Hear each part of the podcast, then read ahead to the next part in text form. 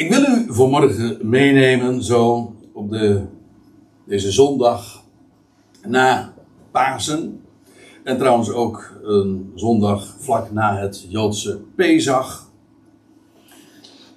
Be, eh, bepalen bij dit onderwerp het lege graf en de getuigen. En het is een onderwerp wat mij al vele jaren enorm intrigeert. Maar juist de laatste weken ben ik er nog weer in het bijzonder ook bij bepaald.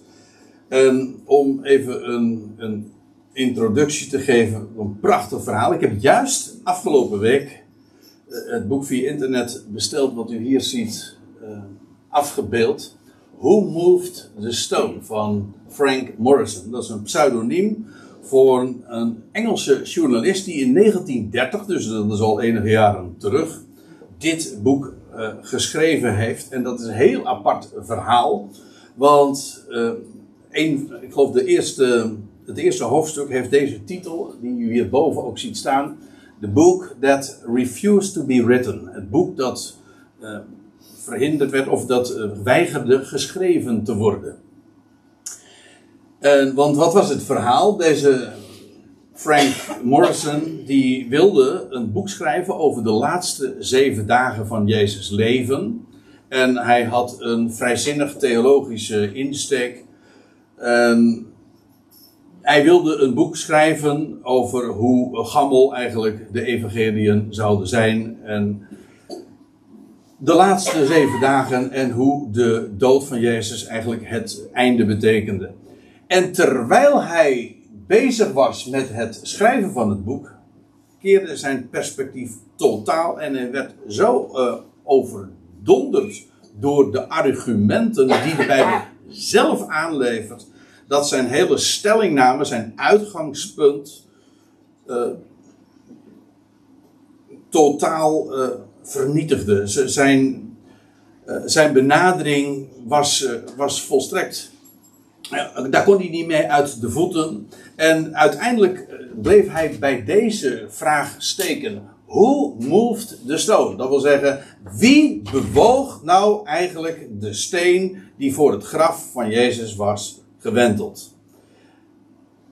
Want, nou, en in feite waar we het vanmorgen over gaan hebben, is over dit thema.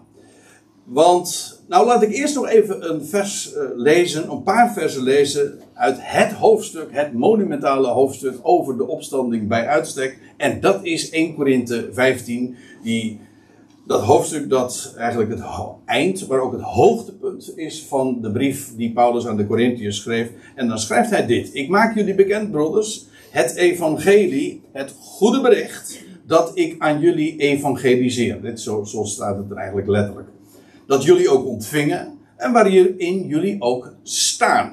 Zo begint hij aan het einde, of in de loop van dit hoofdstuk blijkt dat ze daarin stonden, maar niet standvastig, want ze werden nu heen en weer bewogen door andersluidende beweringen. De vraag van, uh, zou er wel een opstanding van doden zijn? Er waren er die, die uh, daar twijfels over zaaiden. Vandaar uh, waarin jullie ook staan. En, maar dan zegt hij vervolgens in vers 3: Want ik leverde aan jullie in de eerste plaats over hetgeen ik ook, zegt Paulus, ontving. Namelijk dat Christus stierf ten behoeve van onze zonde.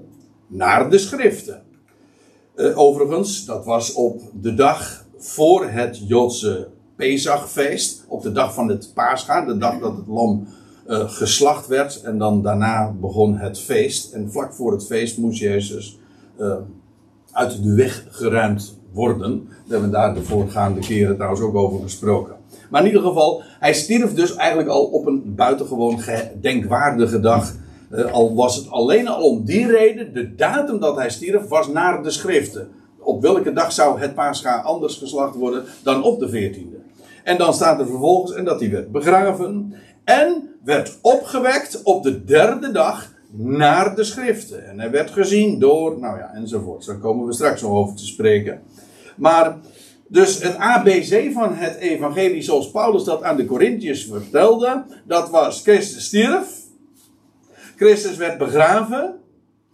En hij werd opgewekt op de derde dag dat wil zeggen allemaal in overeenstemming met de schriften. Dat de Hebreeuwse Bijbel, ons Oude Testament. En let er dan ook op dat hij zegt: Ik leverde aan jullie in de eerste plaats over. Dus hij begon het ABC, het, de, het sterven, de begrafenis en de opstanding van Christus. In feite de opstanding van Christus, maar hij kon slechts opstaan doordat hij stierf en begraven was.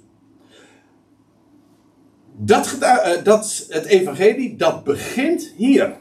Hij begon dus niet bij Bethlehem en hij heeft ook niet in de eerste plaats gesproken over Jezus' leven hier op aarde. Daar zal hij ongetwijfeld over gesproken hebben.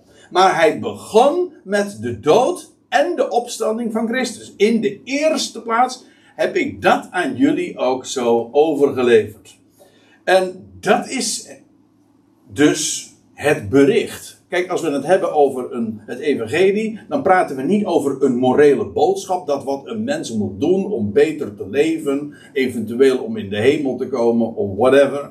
Nee, het is een bericht, een mededeling, een geschiedkundig, historisch feit. Jezus stierf, dat is op zich niet spectaculair, hoewel de datum natuurlijk en de hele omstandigheden enzovoort wel uiteraard. Hij werd begraven, maar waar het om gaat is dat hij op de derde dag, zoals voorzegd, werd opgewekt uit de doden. Dat is het feit en dat is waar het allemaal om gaat. Dat is, dat is bericht. En waarom is het een goed bericht? Wel, in de eerste plaats omdat daarmee bewezen is dat de dood overwonnen is. Of in ieder geval dat God sterker is dan de dood. En bovendien, hij is de eersteling uit de doden, dat betekent dat de rest moet volgen. Dat betekent dus dat de overwinning op de dood toen, in het jaar 30, daar in Jeruzalem, een belofte is voor elke sterveling. Dat is trouwens wat eh, in 1 Korinthe 15 ook gezegd wordt, vers 22. Want zoals in Adam allen sterven, dat wil zeggen stervende zijn, allen stervelingen zijn, zo zullen ook in Christus, de eersteling, allen worden levend gemaakt. Dat is de belofte die daarin besloten ligt. Vandaar ook dat het dus het evangelie staat of valt met dit getuigenis, met de opstanding van Jezus Christus. Nou, en ik wil vanmorgen een handvol feiten, een vijftal onmiskenbare feiten daarvoor aandragen. Waardoor het inderdaad absoluut vaststaat, solide is, dat hij inderdaad opgewekt werd naar de schriften. Waarom wij daarvan overtuigd zijn. Wij vertrouwen, kijk, wij zijn geen ooggetuigen, dat begrijp ik, daar zullen we het zo meteen over hebben. Wij vertrouwen erop. Maar het is gebaseerd op ooggetuigenis en op volledig, volstrekt historische feiten. En het feit dat u weet dat ooit Willem van Oranje heeft geleefd, ondanks het feit dat u hem nooit gezien of ontmoet hebt, of, eh, er zijn zoveel historische feiten, sterker nog, eh, verreweg het meeste van de historie, dat is al, ja, hoe weten we dat? Op basis van getuigen. En dat, zijn, dat, zijn dan, eh, dat is vastgelegd in documenten. En als dat vast en solide is, dan spreken we over een historisch feit. Ik ga u vanmorgen vertellen het meest solide. En dat is geen bewering die ik zelf doe. Dat zijn, er zijn grote juristen, rechters geweest, historici geweest, die dit inderdaad hebben verklaard. Het belangrijkste historische gegeven ooit in de wereldgeschiedenis is de opstanding van Jezus Christus. Dus dan hebben we het niet over een religie of een filosofie of over een moraal. We hebben het gewoon over historie. In feite ook over juridische zaken. Het is gewoon bewezen. En het eerste is deze. Uh, is dit feit. Het graf was leeg. Want het is heel opmerkelijk. Het graf waarin Jezus na zijn sterven was gelegd, was op de derde dag daarna leeg. En dat is een uh, gegeven. Waarom? Wel, dat is nooit betwist. Ook de vijand de, de vijanden, de tegenstanders, die er niets van moesten hebben van het getuigenis van Jezus, hebben nooit in twijfel getrokken dat het graf leeg was. Als ze dat wel trouwens hadden kunnen doen, hadden ze natuurlijk die gelegenheid aangegrepen. Want dan hadden ze de, het hele getuigenis van de discipelen uh, meteen in de kiem kunnen smoren. Maar dit is een gegeven. En hoe dat gegaan is. Wel, ik neem u even mee naar Matthäus 28, want daar lees je hoe dat uh, ook uh, alternatief wordt verklaard. Want we hebben het over de getuigen. Ik had het zojuist over wat Paulus schreef, het evangelie. Namelijk dat Christus op de derde dag na zijn begrafenis is opgewekt uit de doden. Jawel, maar wat is nou het, het alternatieve verhaal? Zeg maar wat men daarover verteld heeft. Nou, dan moeten we wezen in Matthäus 28. En dan lees ik vanaf vers 11. En dan staat er, let op, enige van de wachtpost. Dat wil zeggen van degene, van die Romeinse soldaten. die een dag na Jezus sterven bij het graf gestationeerd werd. Ook op aanvraag van de Joodse Raad trouwens. Maar goed, u kent dat verhaal wel of niet. Maar in ieder geval, er was een, een Romeinse wacht daar. Een aantal mensen, een aantal soldaten.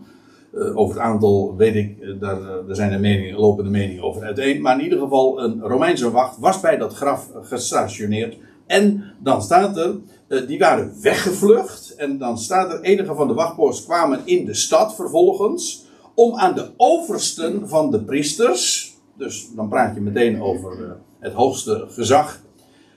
in het Sanhedrin, Caiaphas, Annas of wie dat dan ook maar geweest mogen zijn uh, omdat uh, hetgeen geschied was te berichten. En dan lees je, en vergaderd met de oudsten, beraadslaagden zij, dat wil zeggen die priesters, uh, een, en, en zij namen een aanzienlijke hoeveelheid zilverstukken en gaven die aan de soldaten, terwijl ze zeiden, zegt dat zijn discipelen vannacht kwamen en hem stalen, hebben gestolen, ja, terwijl wij sliepen. Dat was dus uh, wat uh, hen werd geïnstrueerd.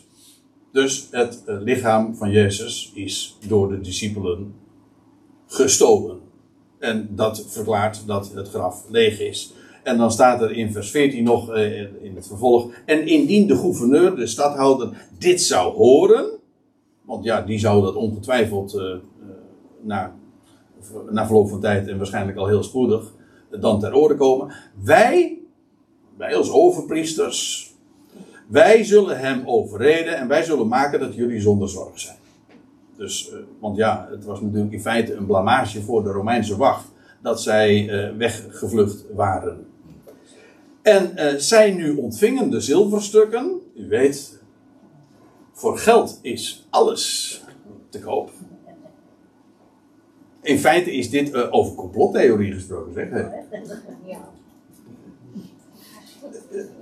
Geld hebben ze, zijn, is hen toegestopt. En ja, nou ja, eh, hoe was het ook alweer? Geld dat stom is, maakt recht wat krom is.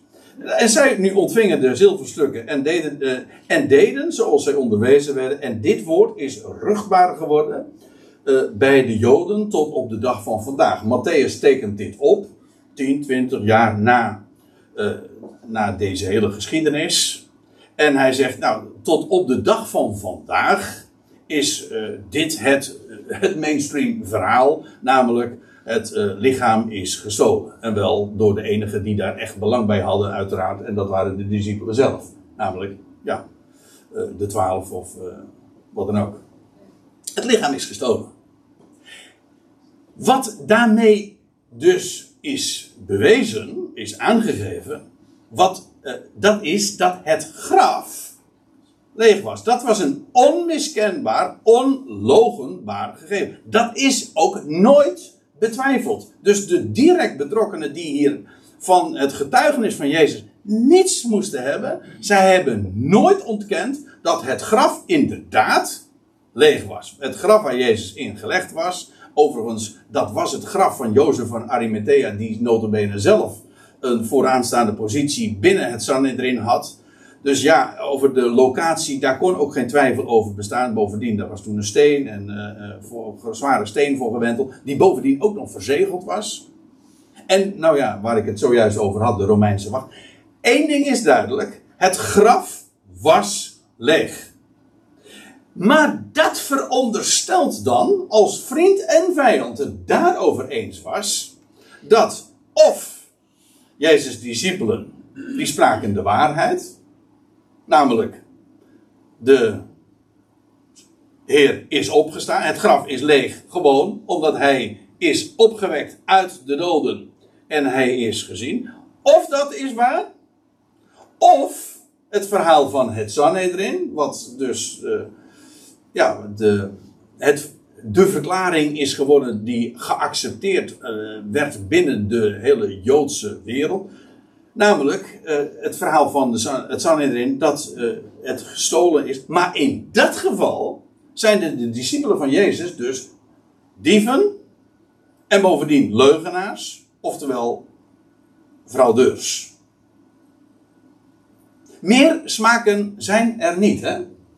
Dus het verhaal, het modern theologische verhaal, waar ik zojuist al even op zin speelde, in verband met die Morrison, die het eigenlijk wiens insteek dat eh, die verklaring is, trouwens die algemeen ook in de christelijke wereld, nou algemeen, maar door velen wordt ge, gehouden, die zeggen dan, ja, Jezus, het Nieuwe Testament, dat is een geweldige uh, vooraanstaande morele boodschap. Daar kunnen we een, een lessen uittrekken en daar, daar is heel veel van te leren. Maar het is natuurlijk niet gebeurd.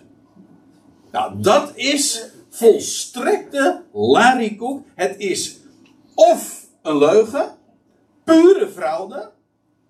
En dan hebben Jezus' discipelen dus en het lichaam gestolen. En bovendien dus valselijk verklaard dat zij getuigen zijn geweest van, zijn, van de opgestane. Maar dat is dan absoluut een leugen. En ja, niet alleen maar ze geloofden in de leugen. Er zijn veel mensen die geloven in de leugen. Maar die, dat, die, die denken dat het de waarheid is. In dit geval is het dus echt pure, bewuste. Zij wisten in dat geval, in het verhaal, in het verhaal dus van het Sanhedrin, dat het inderdaad uh, niet waar was. En dat maakt dat maakt het, het nieuwe, dit boek is of de waarheid, of het is pure fraude en een grove leugen. En ik zeg het expres zo zwart-wit, omdat het zo zwart-wit is. En alle uh, mooie verklaringen van dat het een moreel hoogstaande boodschap is, maar niet echt gebeurt, is gewoon. Ik wilde er een ander woord gebruiken, maar houden we het dan gewoon maar op Lari. Ja. Nou. Eh, trouwens, dat is wat de. Wat Paulus bijvoorbeeld, was, dat is wel de bekendste, en nou ja, daar kom ik op het laatste punt ook nog op, uh, want dat is helemaal zo'n bijzondere getuige. Uh, maar wat hij daar ook over zei. Hij zegt in 1 Corinthië 15: Indien Christus niet is opgewekt, zonder inhoud is ook onze herautboodschap. Wat wij vertellen, onze prediking. Ik ben, eh, prediking, ik heb er op zich geen moeite mee, maar het heeft een beetje de associatie van een preek. Maar dat is niet een, een, de, het woordje keruso, dat heeft te maken met iets wat je heraut, wat je vertelt, een mededeling. Iemand, een heraut is iemand die een boodschap doorgeeft van dit of dat is gebeurd. Die, de koning is overleden, bijvoorbeeld in Engeland weer zoiets. Nee, dat is niet de koning, maar goed. Maar u begrijpt wat ik bedoel. Dat, een heraut. Hij zei, indien Christus niet is opgewekt, zonder inhoud, zonder inhoud is onze herautboodschap, of onze prediking, en zonder inhoud is ook jullie geloof. Zeg, het draait nu even om. Wat is dus de inhoud van het, de herautboodschap en de inhoud van jullie geloof?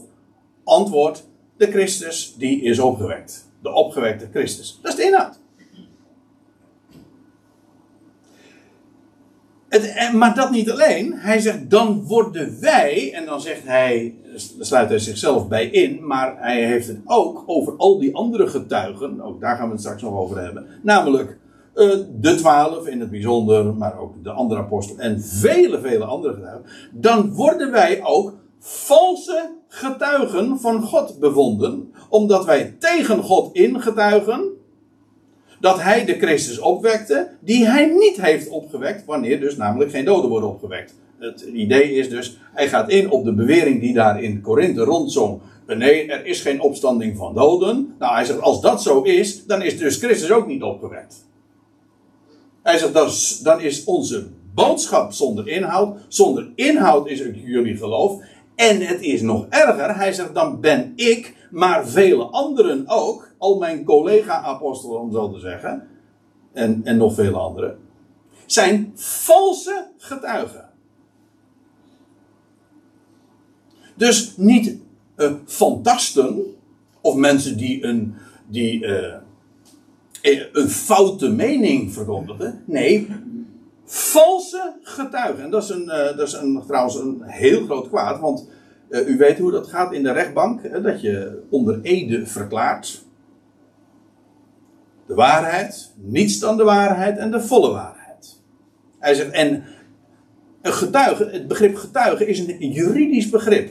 Kijk, wij zijn in die zin geen getuigen. Je kunt wel zeggen van ik getuig nu van Jezus Christus. Nee, maar in de zin van, in de juridische zin is een getuige een ooggetuige. Iemand die dat gezien heeft. Nou, hij zegt, dan zijn wij valse getuigen. Niet fantasten, nee, valse getuigen. Leugenaars, fraudeurs, oplichters. Dat zijn we.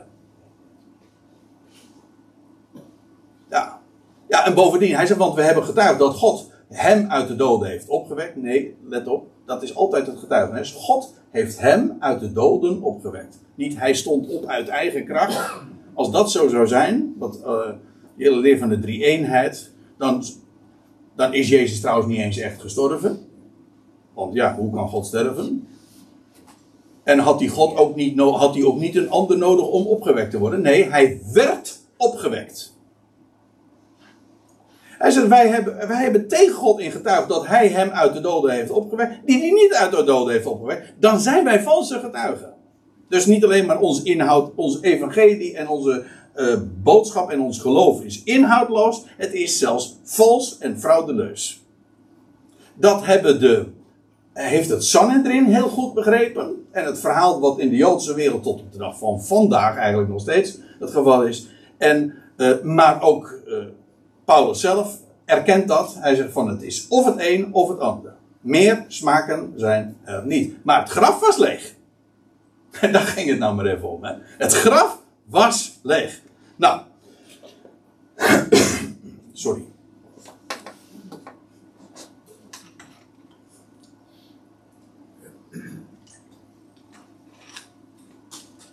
Punt 2. Er zijn vele ge getuigen van de opgewekte Christus. Dat is belangrijk, want u weet, we, we zitten erg vanmorgen in de, niet alleen in de historische, maar vooral ook in de juridische sfeer. De taal, de termen die voorbij komen, die liggen in die sfeer. Maar kijk, in een, onder, bij een rechtbank is het zo dat wil een zaak vaststaan, juridisch, dan zijn er minimaal twee of drie getuigen nodig. Toch?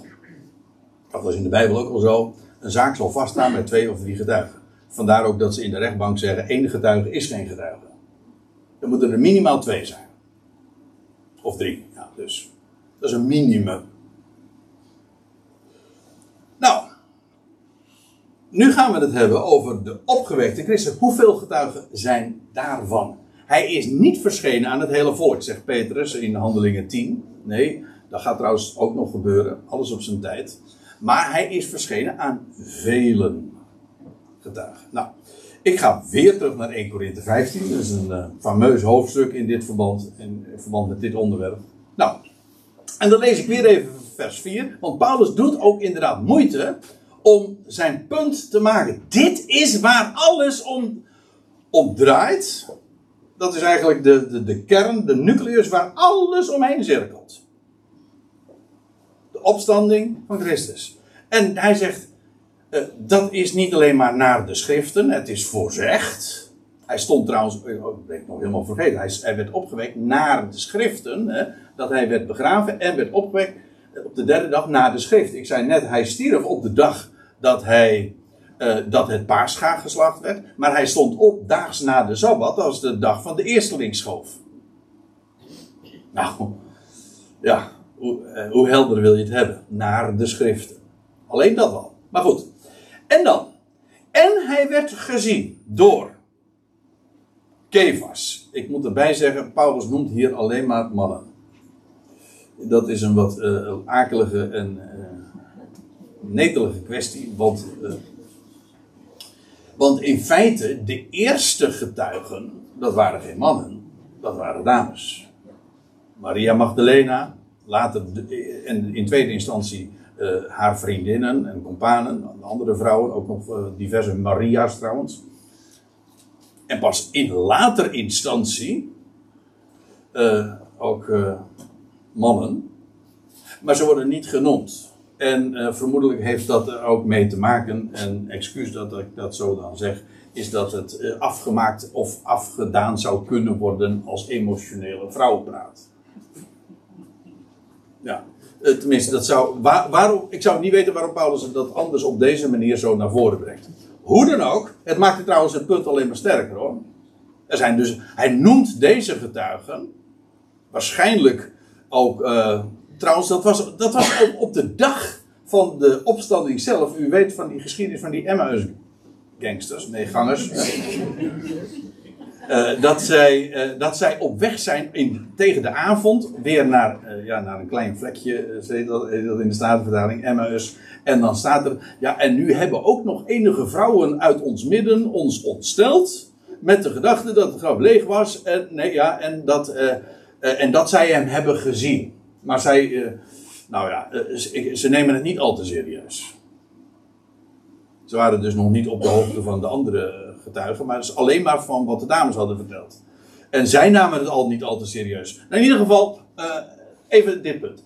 Hij werd gezien door Kefas, Petrus. Nou, daar, had, daar zong Ton zojuist over. De Heer heeft hem persoonlijk ook uh, ontmoet. En ongetwijfeld is toen ook alles rechtgezet. Nou ja, niet in het midden van de twaalf, want dat zou later nog weer gebeuren. Dat hij die vraag stelde van, heb jij mij lief meer dan deze? Dat is, wat, dat, wat, dat is wat hij had gezegd. Dus dat moest ook nog even rechtgezet worden. Nou ja, in ieder geval, hij is gezien door Kefas. Daarna door de twaalf. Over de volgorde van die gebeurtenissen hebben we het uh, bij ooit eens een keertje gehad. Dat is een buitengewoon boeiend verhaal trouwens waren er elf. Ja. Daarna, ja, het waren er elf, maar ze worden genoemd de twaalf. Ja, dat is net zoiets als dat je het elftal ziet spelen en terwijl er al iemand een rode kaart heeft gekregen. Dan is het nog steeds het elftal. Hè? Terwijl het er tien zijn. Dus in feite ook, want Judas was er niet meer bij. Natuurlijk. Maar het was nog steeds de twaalf. Dat is eigenlijk meer een technische term dus voor de club zelf. De twaalf. Um, nou ja, uh, vervolgens. Ja, ik moet doorgaan, want ik heb nog veel meer dia's. Uh, vervolgens werd hij gezien door meer dan 500 broeders tegelijk. Die vind ik helemaal spectaculair hoor. 500 broeders te, uh, tegelijk. En van Paulus zegt in zijn dagen, hij noteert dit ergens, dit zal geweest zijn in 253 van onze jaartelling. Hij zegt van wie de meerderheid op dit moment nog over is, nog in leven is. Maar zegt hij, sommigen zijn ontslapen. Dus als je ze alle, 100, alle 500 of meer dan 500 wil nadenken, dat gaat niet meer. Hij zegt maar de meerderheid, dan kun je het gewoon allemaal nog navragen. Die hebben hem allemaal dus gezien in levende lijven. Dus uh, dat is nogal wat. Uh, vervolgens werd hij gezien door Jacobus, daarna door alle apostelen. Die club was eigenlijk veel groter nog. Want de twaalf, dat was de beperkte, dat waren de, de, kring van intimi, maar eigenlijk waren er nog 74. Waren,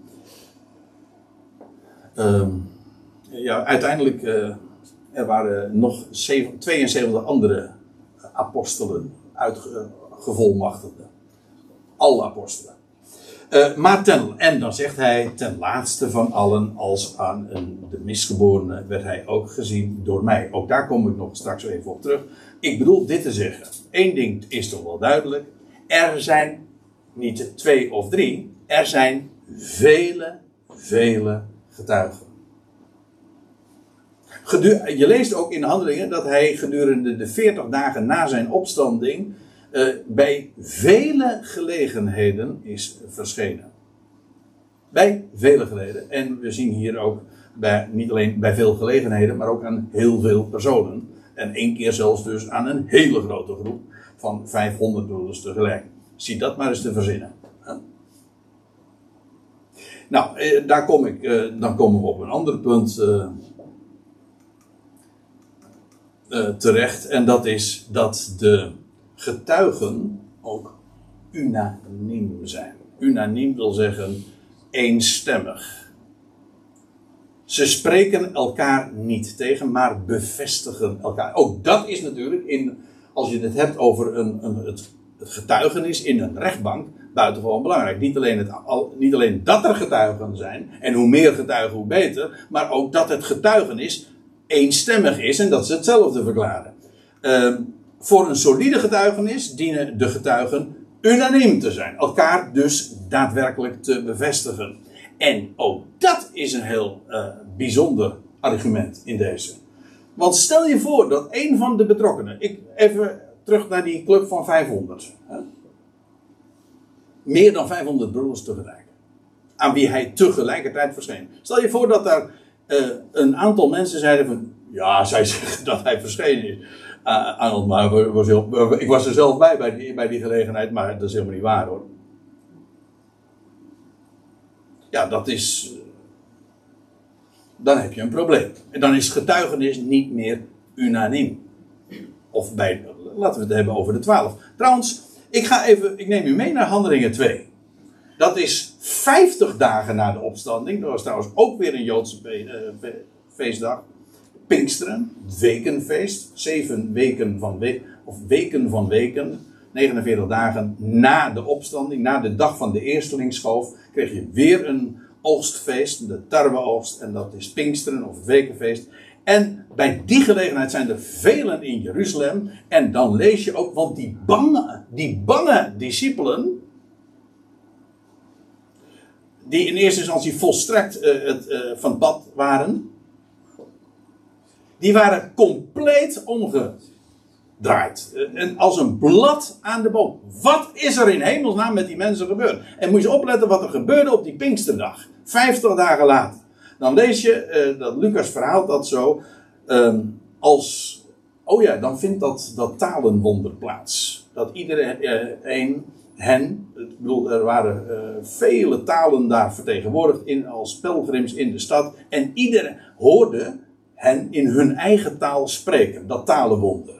En dan uh, lees je dat critici, de sceptici, zeggen van, ah, uh, andere zijden schertsend, ze zijn barstens vol zoete wijn.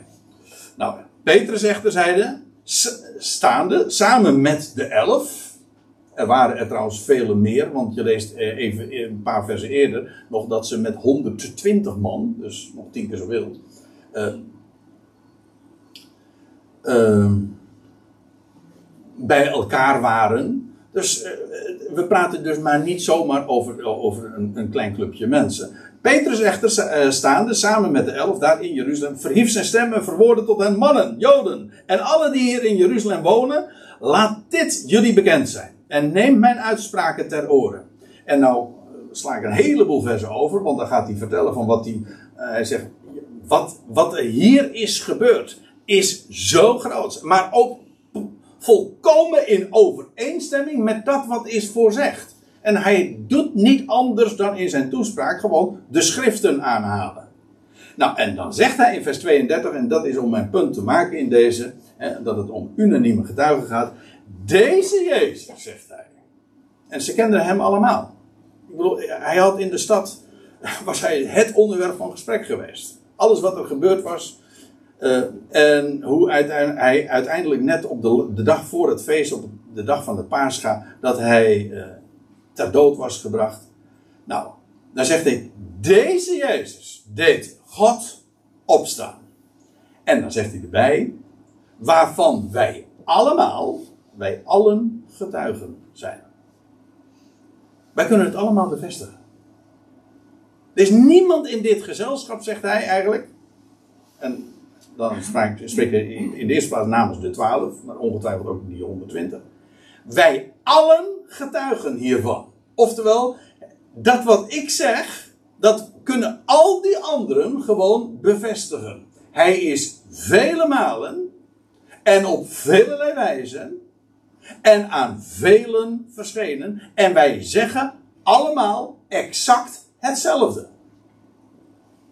Daar waren Daar waren mensen bij, daar waren dames bij die misschien geëmotioneerd waren enzovoort. Maar daar, waren ook, daar was ook een criticus bij, een cynicus of, ja, of een scepticus. Een, een Thomas, trouwens, het is vandaag de zondag na Pasen. Dat was ook de dag dat, de, uh, precies de periode nadat uh, aan, Jezus aan Thomas verscheen. U weet, weet wel, want die, die was er bij die eerste zondag niet bij. En dan lees je uh, een week later, is die er wel bij. Dat is, zou, dus, uh, zou de kerkelijke kalender kloppen, en dan zou het vandaag zijn. En dat, die, dat, dat Thomas had gezegd van, als ik, niet, als ik niet de tekens zie in zijn handen. En in zijn zijde. Als ik dat zelf niet met eigen ogen zie en met mijn handen daarin kan steken. Dan zal ik niet overtuigd zijn. Nou, dat is een wetenschappelijke houding. Hè? Kritisch zijn. Ik, ik laat me niet. Ja, dat is een mooi verhaal. Ik geloof er geen barst van. Ik moet het zelf met eigen ogen zien. En op dat moment, acht dagen later, verschijnt Jezus inderdaad. En Thomas hoeft dat niet eens meer te doen, want hij is meteen helemaal overrompeld. En hij, gaat op zijn knieën en zegt: Mijn Heer en mijn God.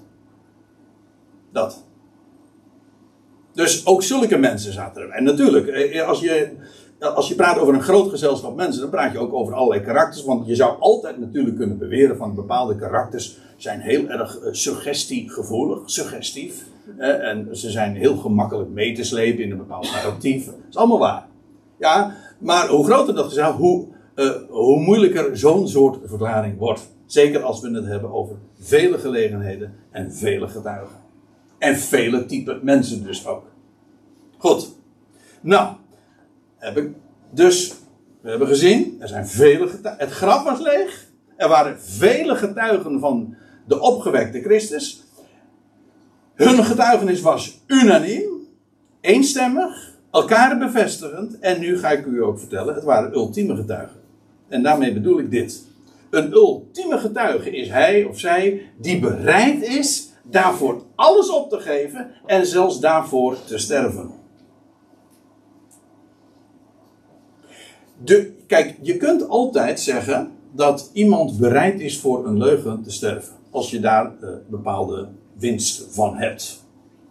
Of, uh, nee, nou, sterven lijkt me helemaal sterk, of, of zoiets. Maar je kan, nou kijk, in feite, wat die, wat die soldaten, die kregen geld. Om een leugen te vertellen. Dan, dat maakt heel veel goed. Kijk, je kunt een leugen vertellen als je op een of andere wijze daar beter van wordt. Als het, je, als het jou bijvoorbeeld roem oplevert, of geld oplevert, of andere voordelen. Dan kan je zeggen nou, dan is het voordelig om een leugen, ook al weet je dat het een leugen is, om dat te vertellen. Dan heb je, dat noemen ze secundaire winst. Dan, dan mag het misschien niet, dan mag het niet waar zijn, maar je hebt daar dan toch op een of andere manier voordeel van. Maar om daarvoor te sterven, dat doe je niet. Je, gaat, je kan misschien wel sterven voor een leugen, ik, dat zei ik net al. Maar omdat je denkt dat het de waarheid is. Maar je sterft niet voor iets waarvan je weet dat het leugen is. Dat doet geen mens. Maar dat is nu juist zo bijzonder van, van dit gezelschap waar we het nu over hebben. Want het is zo, zo sterk dat van de getuigen, voor zover wij iets weten over hun levenseinde. Van een heleboel natuurlijk weten we dat niet. Maar voor zover we iets weten, trouwens ook uit de ongewijde geschiedenis, is dat zij allemaal niet alleen maar een miskend leven hebben gehad en eh, door. Uh, en niet, eh, niet, niet alleen maar waarbij hun reputatie zeg maar te grabbel gegooid werd, maar ook dat ze vervolgd zijn. Dat, dat weten we trouwens ook. Want dit, dit, deze groep, deze in hun, in de wereld van de Joodse, in de Joodse wereld, was het een secte werd vervolgd, zwaar vervolgd. Nou, dat, dat ben je bereid te ondergaan als je, als je in ieder geval gelooft dat het de waarheid is. Maar het bijzondere is, de meeste zijn inderdaad uh, om dit getuigenis gestorven. De marteldood zelfs. En dan niet zomaar uh, de elektrische stoel, nee, echt een afschuwelijke marteldood. Ik bedoel niet te zeggen dat een elektrische stoel geen afschuwelijke dood is, maar. Ik hoop niet daar ooit over uh, uit ervaring te kunnen spreken. Trouwens, dat kan niemand. uh, maar goed, even, even terug naar het onderwerp. Ultieme getuigen. Zijn. Kijk, ik ga weer terug naar 1 Korinthe 15. Paulus zegt dan: Indien wij in alleen wij in alleen dit leven in Christus onze hoop hebben gevestigd, dan zijn wij, en dan die wij hier, dat zijn, dat zijn de getuigen. Dat wil zeggen Paulus de twaalf en al die apostelen enzovoort. Uh, hij spreekt over jullie, dat zijn de lezers. Hij zegt, maar wij zijn de beklaag, beklagenswaardiger dan alle mensen. Dat, hij zei, eerder in de, deze brief had hij het ook al gezegd. We zijn het uitvaagsel van de wereld. We worden achtervolgd. We, we hebben geen geld. We, worden, we zijn nergens veilig. En uiteindelijk zijn velen, en hij zelf ook, is de marteldood gestorven. Dat weten we. Eh, want in zijn laatste brief zegt hij van uh, het moment van mijn verscheiden is staat voor de deur en ik word als een plengoffer geofferd. Hij wist dat.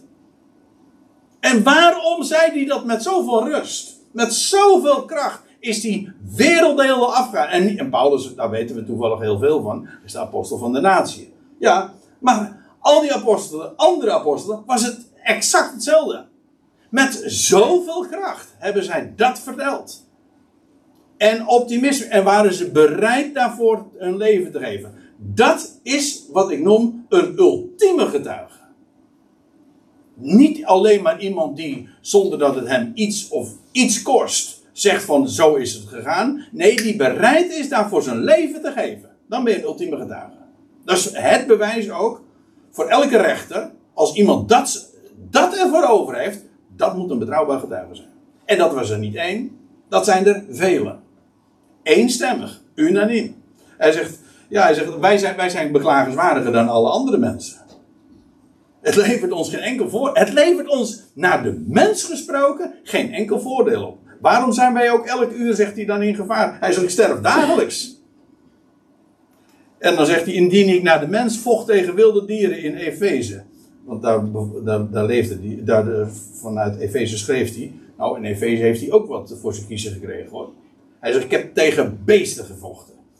Uh, wat, hij zegt, maar wat baat het mij? Indien doden niet worden opgewekt. Paulus is eigenlijk obstinaat. Dus vanwege die opvatting die daar in Korinthe rondzong. Hoe is het in hemelsnaam mogelijk dat je zo'n krankzinnige opvatting uh, rondzingt? Als dat zo zou zijn, maar hij, hij onderbouwt zijn verhaal. Hij zegt, als er geen opstanding van nodig is en Christus dus ook niet is opgewekt. Hij zegt, dan ben ik inderdaad ook een valse getuige. En zegt, ik ben beklagenswaardiger dan, al, dan, dan wie dan ook van de mensen. Hij zegt, indien doden niet worden opgewekt, nou laten we dan eten en drinken. Nee, nee vrolijk zijn, eh, weet ik, dat, dat staat er niet bij. Want ik vind, ja, als, als, als dit leven zinloos is en dit alles is, al is dit alles. Hè? Nou, dan is er weinig reden meer om, om vrolijk te zijn. Maar goed, laten we dan nog eruit halen wat erin zit. Laten we dan eten en drinken, want morgen gaan we toch dood. Hey, kijk, dit is een ultieme, eh, de taal van een ultieme getuige. Iemand die daar volstrekt, volkomen in gaat. En die daar inderdaad zijn kop voor over heeft. Dat is zekerheid. Dat is ook een bewijs van betrouwbaarheid. Nou, en nou kom ik bij mijn vijfde punt. Onverdachte getuige. En ik noemde zojuist de naam van, van Thomas al. Als een scepticus. Dat is kijk, als een, iemand die heel uh, voor suggestie gevoelig is, uh, meegaat in een bepaald verhaal. Dan kun je zeggen, ja, oké, die hoorde bij de club en die, die, die, die zegt dat nu en die gaat, die gaat daarin mee. Ja, maar er zitten mensen bij van wie je het juist niet verwacht. En eh, onverdachte getuigen. Uh, ik, er zouden er meer te noemen zijn, maar laat ik me gewoon even beperken tot Saulus van Tarsus zelf. Want hij is echt, wat dat betreft, ook het, in die zin, het ultieme, onverdachte voorbeeld. Ja, want, laat ik u dit zeggen, even de cv van Saulus van Tarsus. Hij was uh, hoog opgeleid. Hij heeft een voeten van Gamaliel gezeten. Hij was een rising star in de Joodse wereld, zegt hij in Galaten 1 ook. Nou, niet uh, onder die formulering, maar goed.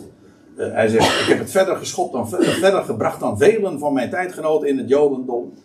En uh, buitengewoon geleerde jongeman. Maar er was niemand in de hele Joodse wereld die zo moordicus tegen die secte van Jezus van Nazareth. Niemand, hij was ook de vervolger, lees je ook. En het was zelfs zo dat hij uh, alles in, in het werk heeft gezet om die secte uit te roeien. En toen zijn taak bijna vervuld was in, in het land, toen is hij is naar de hoge priester en het Sanhedrin gegaan om met brieven te gaan. Om vervolgens zijn werk voor te zetten in de synagogen in het buitenland. En, uh, en toen, zo ging hij naar Damascus. Nou, gewoon met die. Hij blies, uh, hoe staat het, een moord en. Moord en dood, zoiets. Ik weet niet meer precies, maar in ieder geval. Uh, voor tegen dat getuigenis, tegen die secte van de Nazareners.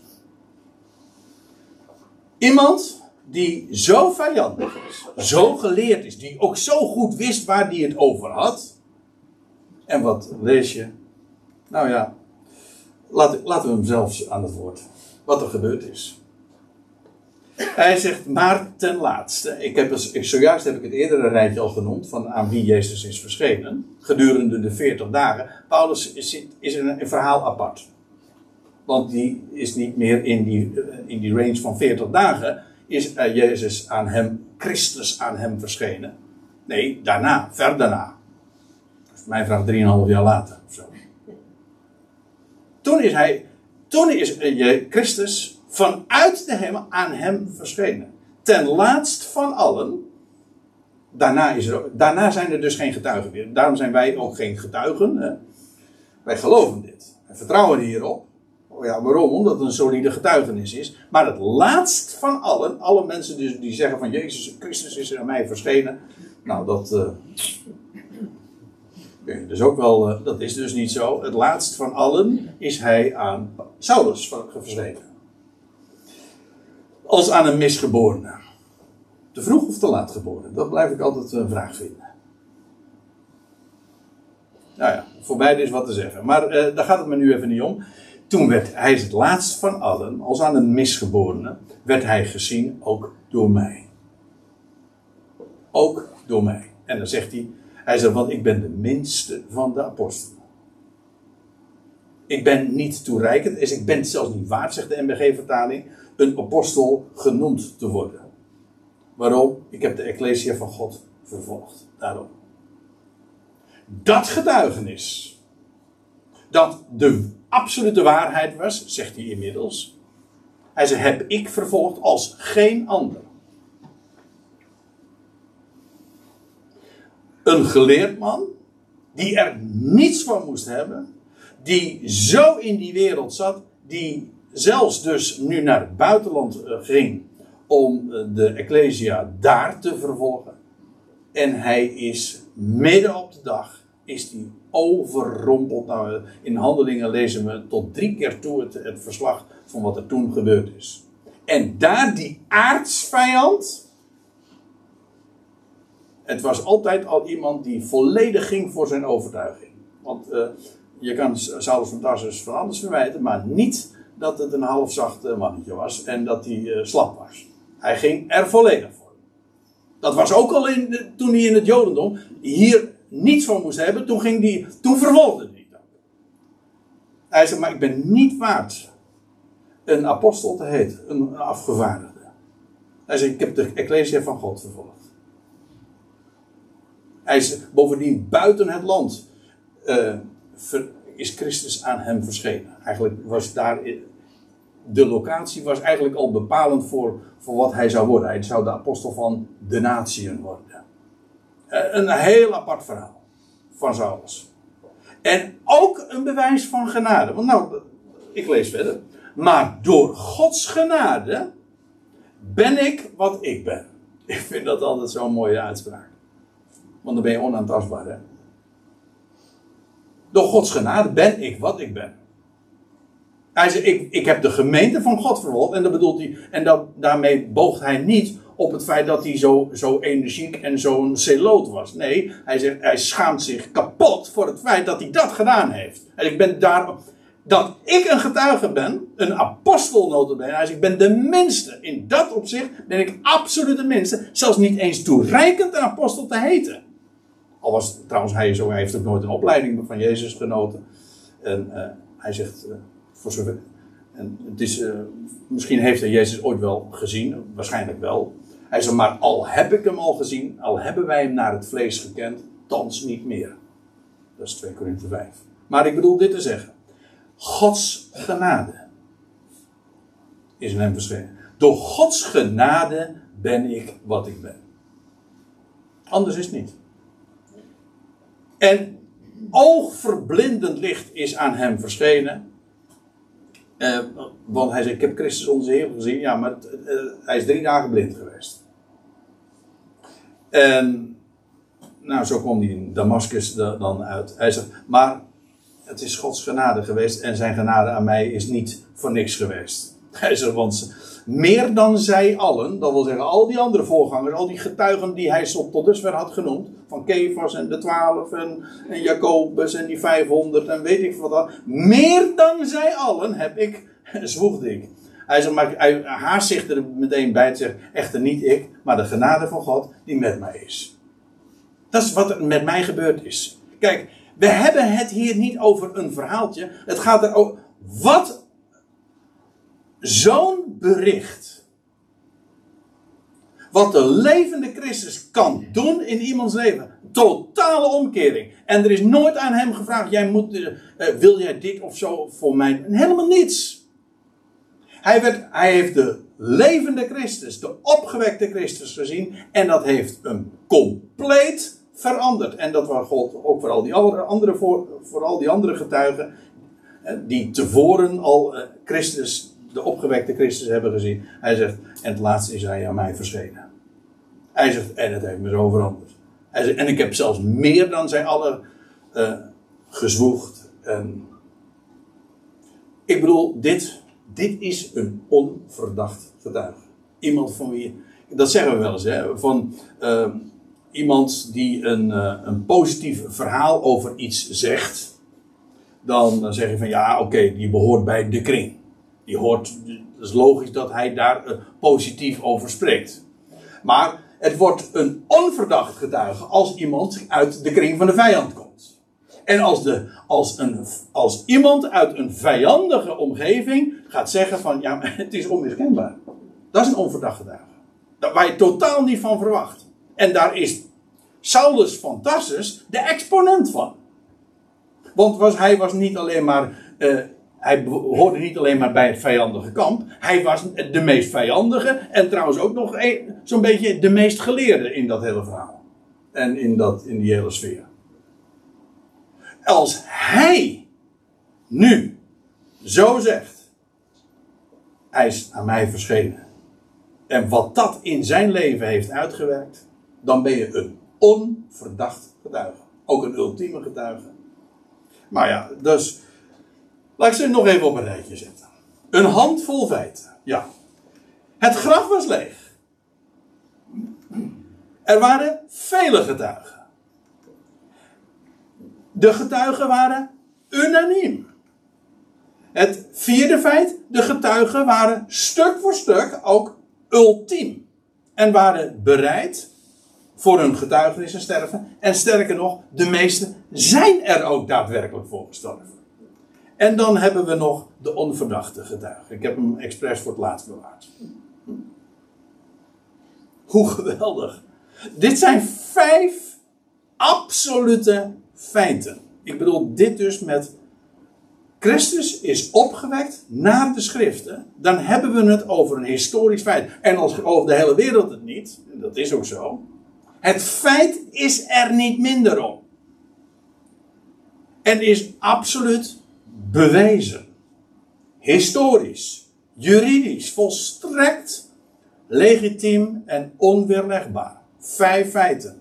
Nou, en dan wil ik afsluiten met deze woorden. Die uh, vindt in, ook in 1 Corinthië 15. En zo sluit Paulus trouwens zijn, ja, zijn hoofdstuk ook af. En dan zegt hij, nadat hij dit allemaal naar voren gebracht heeft. En ook over de impact gesproken heeft. Waarom het zo geweldig is dat Christus is opgewekt als eersteling. En ieder in zijn eigen rangorde. En wat dat dan is. Wat er zo bijzonder is aan dat lichaam van de opstanding. Dat maar niet zomaar een terugkeer is naar het oude leven. Want daar schiet je niet veel mee op. dat, je, zegt dat, je, dat iemand, dat, dat, ook dat fenomeen kent de Bijbel, dat een, een Lazarus of de dochtertje van Jairus, die, die, die stonden ook op, maar die keerden terug naar het oude leven. Maar die werden vervolgens ook weer ziek en uiteindelijk stierven ze ook weer. Dat is een. Ja, je zou, je zou zelfs kunnen verdedigen van in, in hoeverre is dat nou zo'n voorrecht. Hè? Ja, nou ja, ik bedoel dit. Nee, dit is een opstanding, een, Paulus noemt het ook, een levendmaking. En wat is het verschil? Wel, het heeft de dood achter zich. Definitief.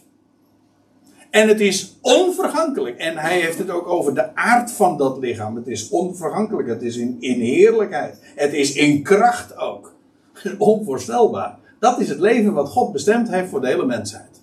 En de eersteling is er al. En de rest gaat komen.